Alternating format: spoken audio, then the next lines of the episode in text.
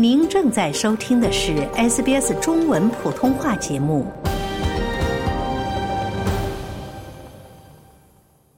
女性比男性寿命更长，退休更早，但退休时领取的退休公积金要比男性少三分之一左右。休珀退休公积金委员会的一份新报告发现，这一差距现在也未能缩小，特别是对于三十多岁的女性来说。活动人士呼吁政府在带薪育儿休假期间支付给女性退休公积金，但是女性从事的无偿护理工作也存在问题，这些工作主要由女性承担，并且无法领取退休公积金。下面请听报道。退休公积金 Super 的一份题为“确保更多女性有尊严的退休”的新报告，对过去七年进行了评估，发现每个州和领地都存在这种性别养老金差距的问题。该报告重点关注三十多岁的女性，她们是 Super 差距未能缩小的主要群体。造成这种情况的关键原因之一是，妇女仍然承担着大部分无偿护理工作，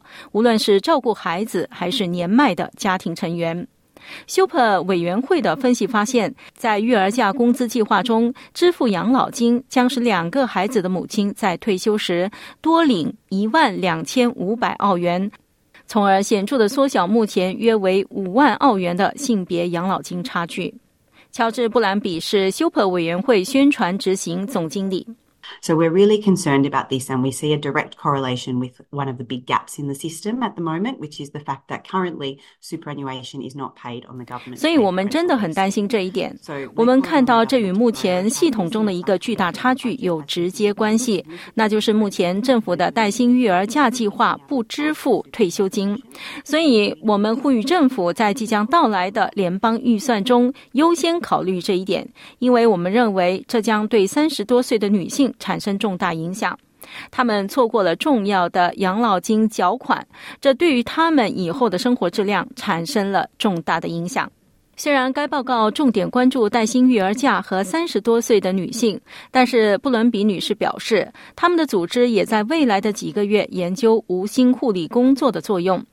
报告指出，性别在 Super 方面的差距有更广泛的结构性驱动因素，包括围绕无酬照顾责任的社会规范。但是，布伦比女士没有证实该机构同意无酬照顾者应该领取退休公积金。It's certainly something that that we are looking at because we know obviously they are out of that paid workforce. They are doing unpaid work that in many cases, you know, will be. 这当然是我们正在关注的事情，因为显然他们不属于有偿劳动力。他们正在做无偿的工作，在许多情况下，这些工作比大多数人的正常工作更具挑战性，并且是更大的负担。所以，我们真的意识到这将会产生影响。这是我们在自己的倡导方面正在考虑的事情。我认为正确的途径可能是确保在我们考虑退休公积金缴款时承认无偿护理。但是对于像林恩这样的护理人员来说，这个问题很紧迫，因为它会造成重大的情感和经济损失。他说，领取退休公积金可以让这个财务要求高而且耗时的职位得到一些喘息的机会。林恩说：“It would would have allowed me to have a holiday. I haven't had a holiday since 2007, just a break. So I'm up every morning, any time between six and seven.” 这本来可以让我休假，自二零零七年以来我就没有休假过，只是休息一下。所以我每天早上六点到七点之间的任何时间都会起床。为了做好准备，我必须起床、洗完澡、穿好衣服，等待护理人员的到来。所以对我来说，睡到九点就像是在度假。但是我认为，众所周知，你的收入对你来说是有价值的，并且如果你不支付女性所做的工作报酬，这是一个普遍的问题，这是一个全球性的问题。如果你不支付足够的报酬，你基本上就是在告诉他们，他们一言不值。我认为这是向基本上是社区支柱的女性发出的非常糟糕的信号。倡导组织 Women in Super 的首席执行官乔科瓦尔兹希克表示：“当然应该向无薪护理人员提供某种形式的经济援助，但也没有暗示养老金是解决的方案。”但当谈到倡导在带薪育儿假期间支付退休公积金时，科瓦尔兹希克女士表示，这是休朋女性全心全意呼吁的。We definitely would call on the call for there to be a form of compensation. What that looks like, whether that's 自带薪育儿假推出以来，休克中的女性一直在呼吁在带薪育儿假中支付退休公积金，这是唯一不会得到退休公积金的休假形式之一。因此，我们将在报告中百分之百支持这一点。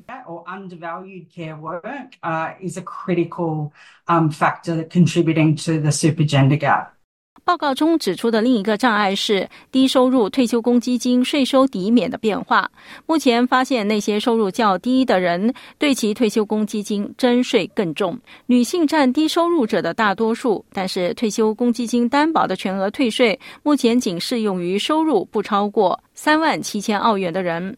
报告指出，如果将这一门槛调整至四万五千澳元，那么仅在二零二五到二六财年，超过一百二十万名澳大利亚人，其中百分之六十是女性的退休公积金将额外增加五亿澳元。想在 SBS 当一回影评人吗？SBS On Demand 正在推送配有中文字幕的热门影视作品。您只需观看一部或以上影视作品，并把影评观后感发给我们，就有机会赢得一份 SBS 精美礼品。